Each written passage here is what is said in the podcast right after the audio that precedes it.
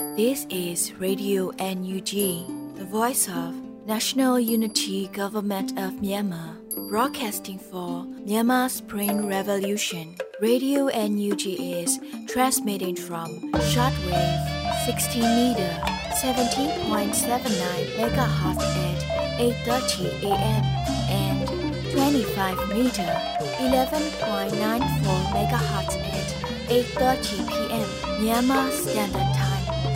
မင်္ဂလာပါရှင်အမျိုးသားညီညွတ်ရေးအစိုးရရဲ့အတန်လွတ်ဌာနရေဒီယို NUG ကိုမနက်ပိုင်း၈နာရီခွဲမှာလိုင်းတူ6မီတာ19.3ခွန်ကုန်းမဂါဟတ်စ်နဲ့ညပိုင်း၈နာရီခွဲမှာလိုင်းတူ25မီတာ17.3ကိုလီမဂါဟတ်စ်တို့မှာဓာတ်ရိုက်ဖမ်းယူနားဆင်နိုင်ပါပြီရှင်မင်္ဂလာအပေါင်းနဲ့ကြည့်ကြကြပါစို့အခုချိန်ကစပြီး Radio NUG စီစဉ်လေးကိုဓာတ်ရိုက်အတန်နဲ့ပြင်နေပါပြီ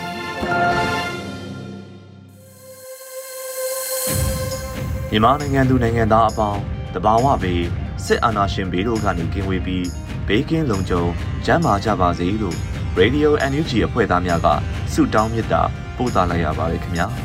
ပထမဆုံးအနေနဲ့ကာကွယ်ရေးဝန်ကြီးဌာနရဲ့စစ်ရေးတရင်အချင်းချုပ်ကိုရန်နိုင်ကဖတ်ကြားတင်ပြပေးမှာဖြစ်ပါတယ်ခင်ဗျာမြို့သားညီညွတ်ရေးဆိုရ ကာကွယ်ဝန်ကြီးဌာနကထုတ်ဝေတဲ့နေ့စဉ်စစ်ရေးသတင်းအချင်းချုပ်ကိုကျွန်တော်ရန်နိုင်ကတင်ဆက်ပေးပါရမယ်။နေ့စဉ်စစ်ရေးသတင်းအချင်းချုပ်ရစစ်ကောင်စီတပ်သား14ဦးသေဆုံးပြီးစစ်ကောင်စီတပ်သား4ဦးဒဏ်ရာရရှိခဲ့ပါတယ်။ပထမဦးစွာစစ်ကောင်စီနဲ့တိုက်ပွဲဖြစ်ပွားမှုသတင်းကိုတင်ဆက်ပေးပါမယ်။ကီနီကရားပြည်နယ်မှာမေလ18ရက်နေ့မနက်10:00နာရီချိန်ခန့်ကဒီမော့ဆိုမြို့နယ်မြို့မရဲစခန်းမှာကင်းထောက်သွားလာနေတဲ့စစ်ကောင်စီတပ်နဲ့ KNDF B19 တို့ နှစ်နာရီကြာတိုက်ပွဲဖြစ်ပွားပြီးတဲ့နောက်စစ်ကောင်စီတပ်သား3ဦးသေဆုံးခဲ့တယ်လို့သိရှိရပါတယ်။မေလ16ရက်နေ့နေ့လယ်တနာရီချိန်ခန့်ကဘောလခဲမြို့နယ်နန်းဖဲကျေးရွာနီးမှာစစ်ကောင်စီတပ်ဖွဲ့များနဲ့ KA, KNDF, B16 ပူးပေါင်းတပ်များတနာရီကြာထိတွေ့တိုက်ပွဲဖြစ်ပွားခဲ့ပြီးစစ်ကောင်စီတပ်သား3ဦးသေဆုံးကဒဏ်ရာရရှိသူများပြားခဲ့တယ်လို့သိရှိရပါတယ်ခင်ဗျာ။မွန်ပြည်နယ်မှာတော့မေလ18ရက်နေ့မနက်6:30မိနစ်30ချိန်ခန့်က မီးလင်းမြို့နယ်တောက်ရက်ကျေးရွာတွင်ပိုင်းအထိစစ်ကားတစ်စီးအင်အားအပြည့်နဲ့ခြေလင်းစစ်ကောင်စီတပ်သားအင်အားအသင့်တင်ခန့်ဝင်ရောက်လာပြီးတောက်ရက်ရွာမှပြည်သူတို့အားခေါ်ဆောင်သွားခဲ့ပါတယ်။မနက်9:00နာရီခန့်မှာ KNL PDF ပူးပေါင်းတပ်ဖွဲ့နဲ့စစ်ကောင်စီတပ်တို့ထိတွေ့မှုစတင်ခဲ့ပြီးလက်နက်ကြီးပစ်ကူများနဲ့တိုက်ပွဲပြင်းထန်ခဲ့ပါတယ်။မနက်7:30မိနစ်30ချိန်ခန့်မှာတောက်ရက်ကျေးရွာကိုခိတ္တပြန်ဆုတ်သွားပြီးပြန်တက်လာတဲ့စစ်ကောင်စီများနဲ့ဘီလင်းမြို့မှာထိတွေ့မှု ဆက်လက်ဖြစ်ပွားခဲ့ရမှာပြည်သူ့ကာကွယ်ရေးတပ်သား2ဦးကြာဆုံးခဲ့ပြီးတဦးဒဏ်ရာရရှိခဲ့ပါတယ်ခင်ဗျာ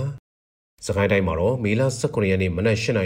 နစ်ချိန်ကအရတော်မြို့နယ်အရတော်မြို့မြောက်ပိုင်းနောင်ကြီးအိမ်မှလာတဲ့စစ်ကောင်စီအင်အား80ခန့်နဲ့ရွာကြလီရွာမှဒေသကာကွယ်ရေးတပ်ဖွဲ့များထိတွေ့တိုက်ပွဲဖြစ်ပွားခဲ့ပြီးဒေသကာကွယ်ရေးတပ်ဖွဲ့များကဒရုန်းနဲ့ထပ်ဆင့်တိုက်ခိုက်ခဲ့ပါတယ်။မေလ18ရက်နေ့မနက်4:00ချိန်က အရတော်မြို့နယ်ထနောင်းကုန်းကြီးရွာကိုရောက်လာတဲ့စစ်ကောင်စီတပ်သား100ခန့်ကို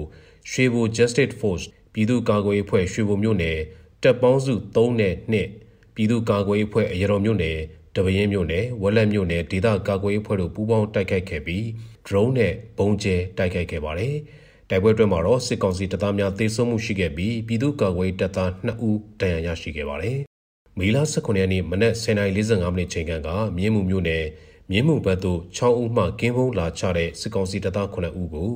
နိုင်ရီကန်နဲ့ငရှမ်းကြားမှာမြောင်မြို့နယ်ပြည်သူ့ကာကွယ်ရေးနဲ့လုံခြုံရေးဖွဲ့များကမိုင်းဆွဲတိုက်ခတ်ခဲ့ရမှာ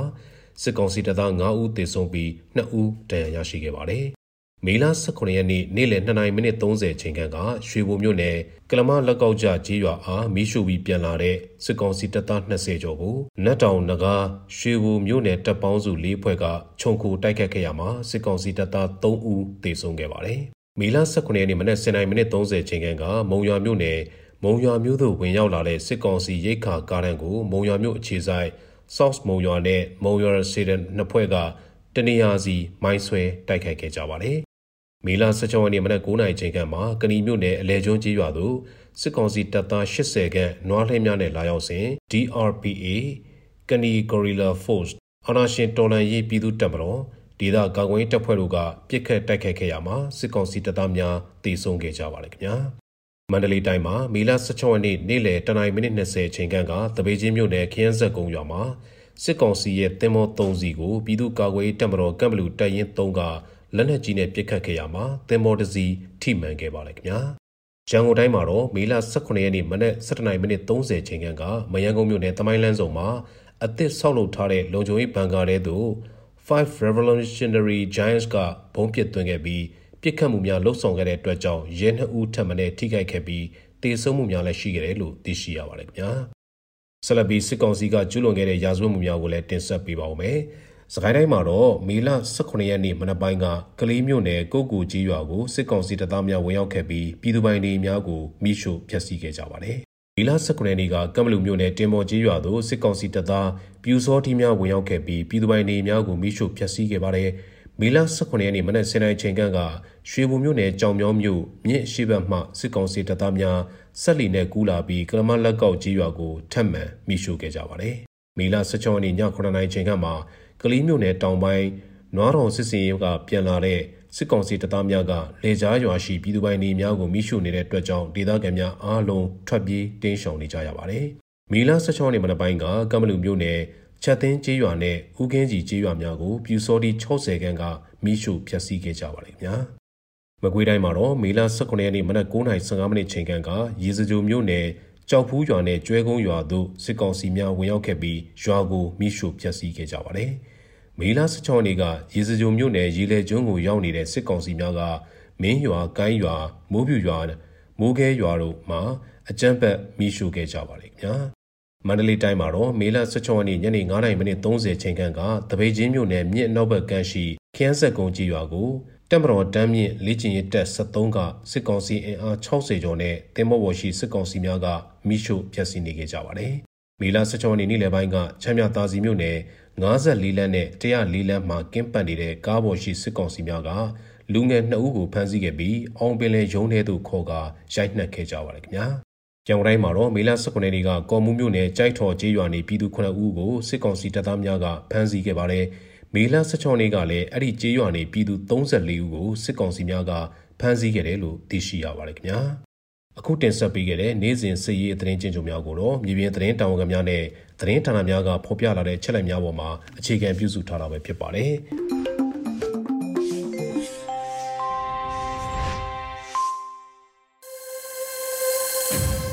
ဆက်လက်ပြီး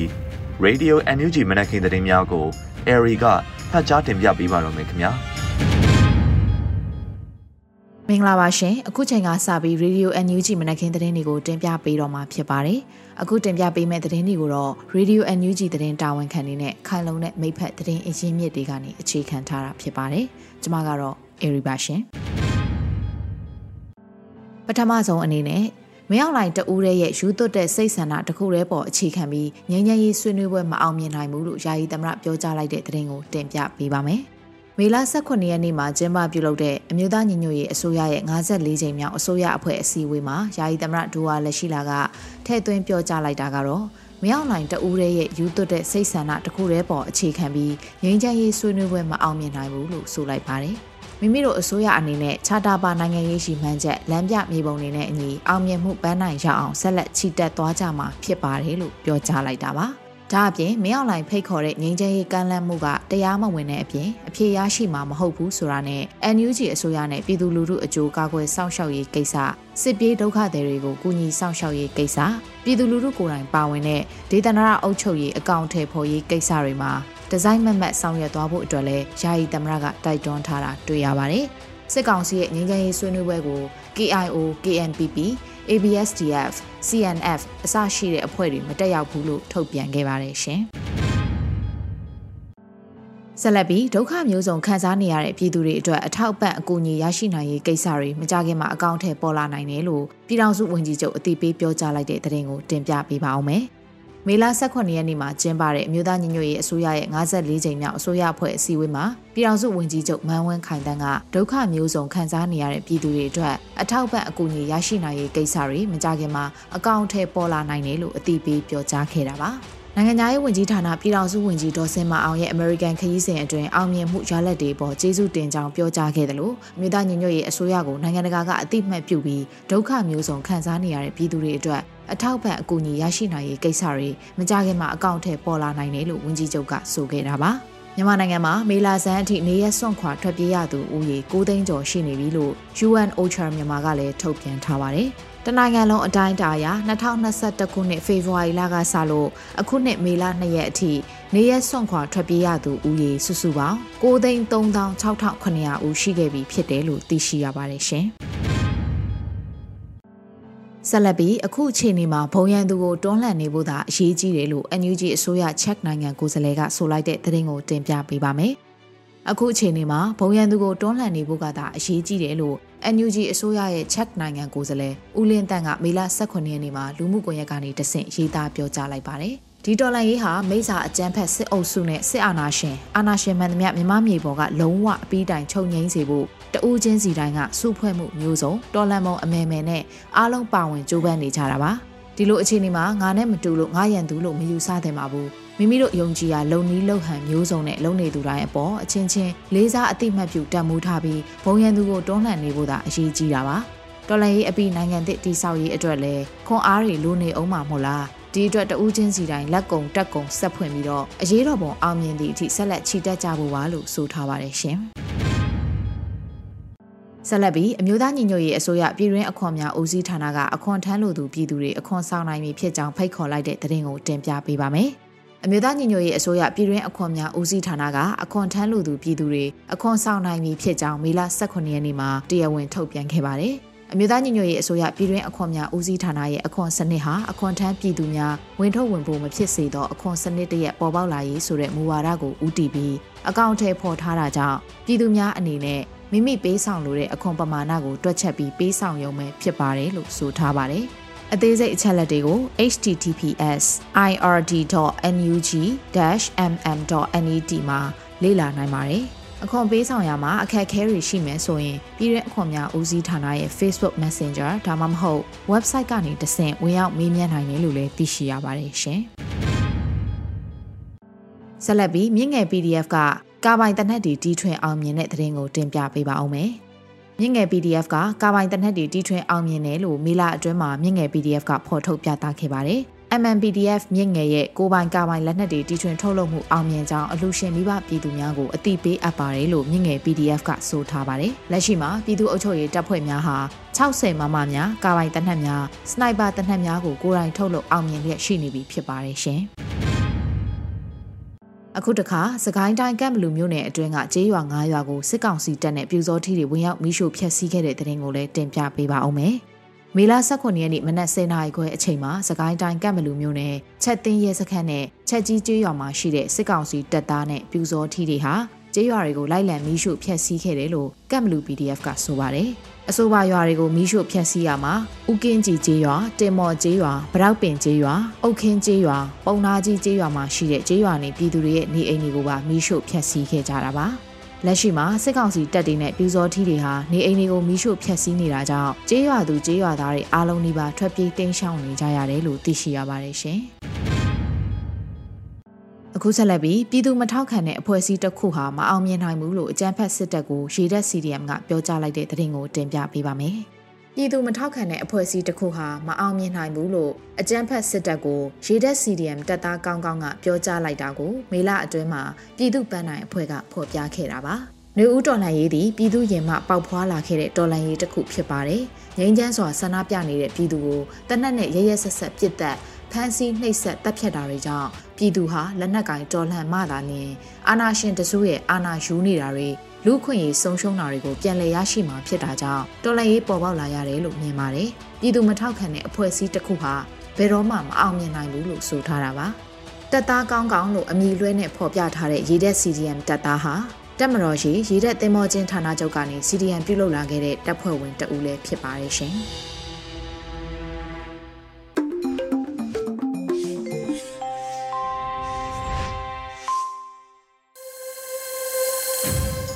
Radio NUG မှာဆက်လက်အသံလွှင့်နေပါတယ်။အခုတခါပြည်သူခုခံဒေါ်လန်စစ်တည်င်းများကိုဂျော်နရီဦးကဖတ်ကြားတင်ပြပေးပါမယ်ခင်ဗျာ။ပထမဆုံးအနေနဲ့ KNU မူထရောခရိုင်မှာမေလ15ရက်အတွင်းစစ်ကောင်စီတပ်နဲ့ KNL ကြားတိုက်ပွဲ186ကြိမ်ဖြစ်ပွားပြီးစစ်သား88ဦးသေဆုံးတဲ့တဲ့တင်တင်ဆက်မှာဖြစ်ပါတယ်။ ကရင်မျိုးသားအစည်းအရုံး KNU တပ်မဟာ9နယ်မြေမူထရောဖောက်ပွန်ခရိုင်တွင်နယ်မြေကျူးကျော်လာတဲ့အကြမ်းဖက်စစ်ကောင်စီတပ်ကပိုက်ဆောင် BGF ပူးပေါင်းတပ်နဲ့ကရင်မျိုးသားလူမျိုးရေးတပ်မတော် KNL တပ်မဟာ9တပ်ရင်းတပ်ဖွဲ့များကြားမေလ1ရက်နေ့မှ15ရက်နေ့အထိတိုက်ပွဲပေါင်း186ကြိမ်ဖြစ်ပွားခဲ့ပြီးစစ်ကောင်စီဘက်မှ88ဦးသေဆုံးက68ဦးဒဏ်ရာရကြောင်း KNU မူထရောသတင်းစင်ကထုတ်ပြန်ပါတယ်။ စစ်ကောင်စီရဲ့မော်တော်ယာဉ်၃စီးနဲ့စစ်ဆေးကမ်းတစ်လုံးကိုဖျက်ဆီးနိုင်ခဲ့ကြောင်းသိရှိရပြီး15ရက်တာတိုက်ပွဲများအတွင်း KNL ဘက်မှ2ဦးကြဆုံးက2ဦးဒဏ်ရာရခဲ့ကြောင်း KNU တပ်မဟာ9ကဆိုပါတယ်စစ်ကောင်စီတပ်နဲ့ BGF တပ်ဖွဲ့များကဒေသခံပြည်သူများနေထိုင်ရာကြေးရွာများနဲ့ဥယျာဉ်ချမ်းမြေများအတွင်းသို့လက်နက်ကြီး928ကြိမ်ပစ်ခတ်ခဲ့ကြောင်းပြည်သူတို့တေဆုံးခဲ့ပြီး10ဦးဒဏ်ရာရကြောင်းမူဒရောသတင်းစင်ကဖော်ပြပါဗျ။ ဆက်လက်ပြီးတမိုင်းလန်းဆောင်လုံခြုံရေးရဲကင်းတွင်ဘုံကွဲပြီးပြစ်ခတ်မှုဖြစ်ခါရဲနှုတ်ဒဏ်ရာရတဲ့တဲ့တင်တင်ဆက်မှာပါ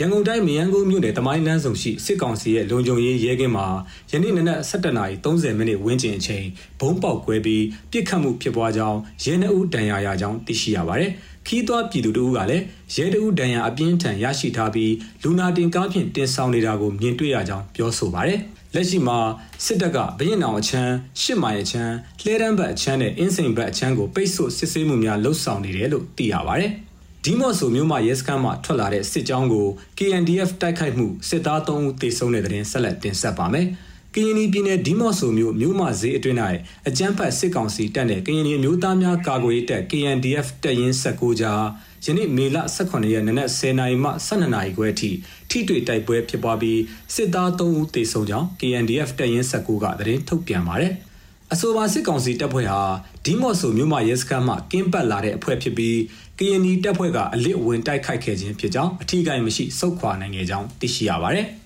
ဘီလင်းတွင်လည်းတိုက်ပွဲဖြစ်ပြီးနှစ်ဖက်အကြအဆုံးရှိတဲ့တဲ့ဆက်လက်တင်ဆက်ပါမယ်။မွန်ပြည်နယ်ဘီလင်းမြို့အရှေ့မြောက်ဘက်ကျေးရွာများတွင်လည်းစစ်ကောင်စီတပ်နဲ့ကရင်မျိုးသားလူမျိုးရေးတပ်မတော် KNL ပူးပေါင်းတပ်ဖွဲ့ကြားယနေ့နနက်၈နာရီမှနနက်10နာရီထိထိတွေ့တိုက်ပွဲဖြစ်ပြီးနှစ်ဖက်အကြအဆုံးရှိကြောင်းသတင်းရရှိပါရယ်။ အင်အား60ခန့်ပါတဲ့အကြမ်းဖက်စစ်ကောင်စီတပ်ဖွဲ့နဲ့ KNL တပ်မဟာ1တပ်ဖွဲ့ဘီလင်ပကဖတထုံ TPDF ပူးပေါင်းအဖွဲ့ကြားယနေ့နနက်9နာရီကျော်မှ10နာရီဝန်းကျင်အထိတိုက်ပွဲဖြစ်ပွားခြင်းဖြစ်ပြီးစစ်သား2ဦးသေဆုံးခဲ့ကြောင်းဘီလင်ပကဖမှရဲဘော်2ဦးကြာဆုံးကတအူးဒဏ်ရာရကြောင်း KNL ပူးပေါင်းတပ်ဖွဲ့ထံမှသိရှိရတာပါ။ တိုက်ပွဲဖြစ်ပွားစဉ်စစ်ကောင်စီတပ်ကဒေသခံရွာသား9ဦးကိုပေါ်တာဆွဲသွားကြောင်းရင်းနောက်ပြန်လွတ်ပေးကြောင်းဘီလင်းမြို့နယ်ဇီဝင်းအခြေဆိုင်တပ်ရင်းမှပစ်ခတ်တဲ့လက်နက်ကြီးထိမှန်ပြီးတက်ကြီးအဖို့အုပ်2ဦးကြီးထိမှန်တေဆုံးခဲ့ကြောင်းဒေသခံတအုပ်ကရန်ကုန်ခေတ်သစ်သို့ပြောဆိုပါရယ်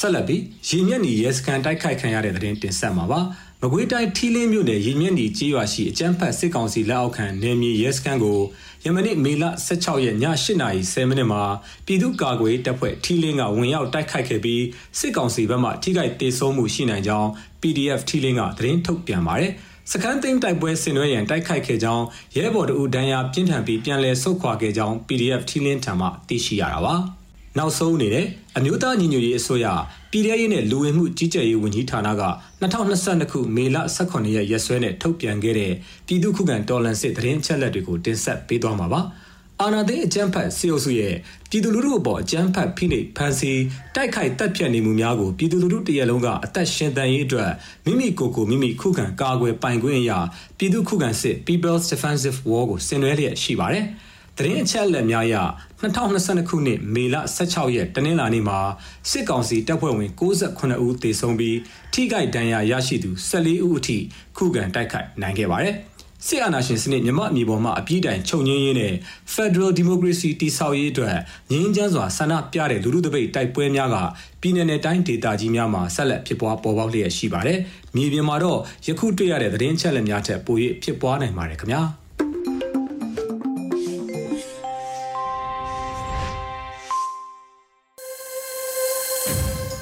Radio NUG သောတာရှင်များခင်ဗျာ PPTV ရဲ့နေ့စဉ်သတင်းများကိုတော့ထထအင်ဒရာအောင်ကဖတ်ကြားတင်ပြပေးထားပါတယ်ခင်ဗျာပထမဆုံးတင်ဆက်ပေးမှာကတော့ကျန်းဖတ်စစ်ကောင်စီကိုဩစတြေးလျနိုင်ငံကတမ်းမတ်ကြီးအဆင့်နဲ့မဆက်ဆံတော့ပဲအဆင့်လျှော့ချပြီးဆက်ဆံမယ်ဆိုတဲ့သတင်းမှာမင်းအောင်လှိုင်ဦးဆောင်တဲ့အကြမ်းဖက်စစ်ကောင်စီကိုအတိအမှတ်ပြုတာရှောက်ရှားဖို့အတွက်ရည်ရွယ်ပြီးတော့ဩစတြေးလျနိုင်ငံကတမ်းမတ်ကြီးအဆင့်နဲ့မဆက်ဆံတော့ပဲအဆင့်လျှော့ချပြီးဆက်ဆံသွားမှာဖြစ်ပါတယ်။ ပြီးခဲ့တဲ့လမှာတက်တန်းကုန်သွားတဲ့တပ်အမတ်နေရာမှာနိုင်ငံခြားရေးနဲ့ကုသရေးဝယ်ရေးဝန်ကြီးဌာနရဲ့အကြီးတန်းရာရှိတအုပ်ကိုခန့်အပ်ဖို့အတွက်ဩစတြေးလျနိုင်ငံကရွေးချယ်ထားပြီးဖြစ်တယ်လို့ဩစတြေးလျအခြေစိုက် ABC သတင်းဌာနကဖော်ပြလိုက်တာပါ။ ABC သတင်းဌာနရဲ့ဖော်ပြချက်အရတော့လက်ရှိခံမဲ့ပုဂ္ဂိုလ်ကဩစတြေးလျတန်ယုံရဲ့အကြီးအကဲဖြစ်တာဝန်ယူမှာဖြစ်ပြီးတော့သူ့ရဲ့ကိုယ်စားလှယ်ခန့်အလွှာကိုစစ်ကောင်စီကိုပေးအပ်မှာမဟုတ်ဘူးဆိုပြီးတော့လည်းဖော်ပြထားပါတယ်။ ဆက်လက်တင်ဆက်ပေးမှာကတော့မင်းအောင်လှိုင်ဦးဆောင်တဲ့အကြမ်းဖက်စစ်တပ်ကအောက်ခြေရဲဘော်တွေထွက်မပြေအောင်လို့ဆိုပြီးပတ်စံနေမထုတ်ပေးပဲအကြက်ကင်ထားတယ်လို့ CDM ပိုကြီးပြောကြားလိုက်တဲ့ဆိုတဲ့သတင်းမှာမင်းအောင်လှိုင်ဦးဆောင်တဲ့အကြမ်းဖက်စစ်တပ်ကအောက်ခြေရဲဘော်တွေထွက်မပြေအောင်လို့ဆိုပြီးပတ်စံတွေကိုမထုတ်ပေးဘဲနဲ့အကြက်ကင်မှုတွေပြုလုပ်ထားတယ်လို့ CDM ပိုကြီးရဲမင်းဦးကပြောကြားလိုက်ပါတယ်။ ဗိုလ်ကြီးရဲမင်းဦးကဗိုလ်တင်နန်းကျောင်း OTS အပတ်စဉ်120ကဖြစ်ပြီးတော့ဧပြီလ4ရက်မှာရှမ်းပြည်မြောက်ပိုင်းရှေ့တန်းတနေရာကနေ CDM ပြုတ်လုပ်ပြီးတော့ဗတ်ပြောင်းလာသူဖြစ်ပါတယ်။မင်းအောင်လိုင်းအနေနဲ့အောက်ချီရဲဘော်တွေထွက်မပြေးနိုင်အောင်အသက်အာမခံ ဥပိုင်ငွေစုပန်ဆိုတဲ့နီလန်ပေါင်းစုံနဲ့ရဲဘော်စစ်တီရဲ့လာစာတွေကဖျက်တောက်ပြီးတော့စစ်တပ်ကထွက်မပြေးနိုင်အောင်လို့လှုပ်ထားတယ်လို့ဆိုပါတယ်။ရဲဘော်တွေကလည်းထွက်ပြေးရင်စုထားတဲ့ပတ်စံလေးတွေစုံမှာပဲဆိုပြီးညှောနေတဲ့ရဲဘော်တွေလည်းအများကြီးပဲလို့ CDM ဗိုလ်ကြီးရဲမေဦးကပြောပါတယ်။မင်းအောင်လှိုင်ဦးဆောင်တဲ့အကြမ်းဖက်စစ်တပ်ထဲမှာပြိုလဲမှုတွေစတင်ဖြစ်နေပြီးတော့ရဲဘော်တွေကိုလာစာအပြည့်မပေးတာစုငွေထုတ်မပေးတာနဲ့နီလန်မျိုးစုံတုံးပြီးတော့ထွက်မပြေးအောင်လှုံ့ဆော်နေတာပါ။ ဆက်လက်တင်ဆက်ပေးမှာကတော့အဖိနှိတ်ခံနေရတဲ့ Food Panda ပို့ဆောင်သူတွေဘက်ကရက်တီပြီးတော့ Food Panda app ကိုစက်ကျင်ကန့်ကွက်ဖို့ campaign ပြုလုပ်နေတဲ့ဆိုတဲ့သတင်းမှာနယူးထလန်ရေးစတင်ချိန်မှာပြည်သူတွေနဲ့အတူရက်တီပြီးဆန္ဒဖော်ထုတ်ခဲ့ကြတဲ့ Food Panda ပို့ဆောင်ပေးသူတွေဘက်ကနေရက်တီပြီးတော့ Food Panda ကိုစက်ကျင်ကန့်ကွက်ဖို့ campaign ကိုရှိပွဲပြည်သူအကျိုးပြုလူငယ်အဖွဲ့အစည်းကဥဆောင်ပြီးတော့ပြုလုပ်နေပါတယ်။ ဖက်ဆက်အာဏာသိမ်းမှုဖြစ်စဉ်ရဲ့နောက်ဆက်တွဲဆိုးချိုးတွေထဲမှာလူမျိုးစုပေါင်းစုံဘာသာပေါင်းစုံအသက်အရွယ်ပေါင်းစုံပါဝင်နေတဲ့ပို့ဆောင်သူရိုက်တာတွေရဲ့ဂုတ်သွေးဆုပ်ဖိနှိပ်ခံရမှုဖြစ်စဉ်တွေကလည်းအပါဝင်ပါတောင်းဆိုချက်9ရက်အရင်ခံပြီးတော့16ရက်3လ2022ခုနှစ်မှာစတင်ခဲ့တဲ့ပို့ဆောင်သူရိုက်တာတွေရဲ့တပိတ်မှမှုဟာအခုအချိန်ထိတပိတ်လန်အောင်မြင်မှုမရရှိသေးပါဘူးလို့ပြည်သူ့အကျိုးပြုလူငယ်အဖွဲ့အစည်းကထုတ်ပြန်ချက်မှာဖော်ပြထားပါတယ်။ ဖူပန်နာဘက်ကဆွေးနွေးမယ်ဆိုပြီးတော့အချိန်ဆွဲထားတာကြောင့်အချိန်ကြာလာတာနဲ့အများပို့ဆောင်သူ writer တွေအနေနဲ့စာဝတ်နေရေးအိမ်ငါကအပါဝင် အခက်အခဲပေါင်းစုံရင်ဆိုင်နေရတယ်လို့ဆိုပါတယ်။ဒါကြောင့် Food Panda ကိုပြုလုပ်မဲ့ campaign မှာဈေးဘလောက်ချချဘာ promotion လုပ်လို့ Food Panda app ကို bad review ရေးပြီးတော့ uninstall လုပ်ဖို့နဲ့ဝယ်စားခြင်းတဲ့အခါအပြင် order ကနေပို့ဆောင်သူ writer တွေစီဖုန်းဆက်ပြီးမှာကြဖို့အတွက်တိုက်တွန်းနှိုးဆော်ထားတာကိုထုတ်ပြန်ချက်မှာတွေ့ရပါတယ်။ ရေပွဲပြည်သူအကျိုးပြုလူငယ်အဖွဲ့အစည်းကတော့အလုသမားတို့ရဲ့တပိတ်ကပြည်သူလူထုရဲ့တပိတ်ဖြစ်တယ်လို့လည်းဖော်ပြထားတာကိုတွေ့ရပါတယ်။အခုနောက်ဆုံးအနေနဲ့မြန်မာနိုင်ငံတဝန်ကလူမျိုးပေါင်းစုံဘာသာပေါင်းစုံပါဝင်တဲ့ဆရာနာရှင်အမြင့်ပြည့်ချေမုံရီလူထုဆန္ဒပြပွဲသတင်းတွေကိုစူးစီးတင်ဆက်ပေးမှာဖြစ်ပါတယ်။ တနင်္သာရီတိုင်းလောင်းလုံးမြို့နယ်မှာအကြမ်းဖက်ဆရာနာရှင်ကြာဆုံးရေးဆန္ဒပြတပိတ်ကိုဒီကနေ့မှပြုလုပ်ခဲ့ပါတယ်။ဆန္ဒပြပွဲကိုလောင်းလုံးမြို့နယ်လုံးဆိုင်ရာအခြေခံပညာကျောင်းသားများတက်မကကဦးဆောင်ပြီးတော့ကျေးရွာအသီးသီးကပြည်သူတွေပူးပေါင်းပါဝင်ကမြေခွေးစစ်တပ်အမြင့်ဖြတ်ဖို့လူထုအတန်နဲ့တိုက်ထုတ်ထိုးဆိုတဲ့စာသားကိုကင်ဆွဲပြီးတော့ဆန္ဒပြတပိတ်ကိုပြုလုပ်ခဲ့တာဖြစ်ပါတယ်။လက်ဗရောင်းတော်ပင်မတပိတ်စစ်ကြောင်းကဦးဆောင်ပြီးတော့အကြမ်းဖက်စစ်တပ်ကြာရှုံးရေးဆန္ဒပြတပိတ်စစ်ကြောင်းကိုဒီကနေ့မှပြုလုပ်ခဲ့ပါတယ်။ ဆန္ဒပြပြည်သူတွေကနိုင်ငံသစ်ကိုရဲရဲတီဆောက်ကြဆိုတဲ့စာသားတွေကင်ဆွဲပြီးတော့ဆက်အနာရှင်ကြရှုံးရေးဟစ်ကြွေးတန်နေနဲ့ချီတက်ဆန္ဒပြခဲ့တာပါ။စကိုင်းတိုင်းရင်းမပင်ခရိုင်နယ်ကရင်းမပင်အရှိချမ်းတဲ့စလင်းကြီးမြောက်ချမ်းတို့ပူးပေါင်းထားတဲ့ရွာပေါင်းစုံတပိတ်စစ်ကြောင်းကလည်းဒီကနေ့မှကြောက်တဲ့အပြည်ပြည်ဆိုင်ရာလိန်တူချစ်သူများအပေါ်ကြောက်ရွံ့မုန်းတီးမှုများအားကန့်ကွက်ဆန့်ကျင်ရေးနေ့မှာဆက်အနာရှင်ဆန့်ကျင်ရေး433ရက်မြောက်ဆန္ဒပြပွဲကိုပြုလုပ်ခဲ့ပါတယ်။ ဆန္ဒပြပွဲကို LGBT တွေကဥဆောင်ပြီးတော့ကြောက်စိတ်ကိုဖျောက်6စိတ်ကက်ကစစ်ကောင်စီကိုတွန်းလှန်ပြီးဆိုတဲ့စာသားကိုကင်ဆွဲပြီးတော့ချီတက်ဆန္ဒပြခဲ့တာပါဒါကတော့မေလ18ရက်နေ့တည်င်းနေ့နဲ့လူလူဆန္ဒပြပွဲတည်င်းတွေကိုစူးစီးတင်ဆက်ပေးခဲ့တာဖြစ်ပါတယ်ကျေးဇူးတင်ပါတယ်ရှင်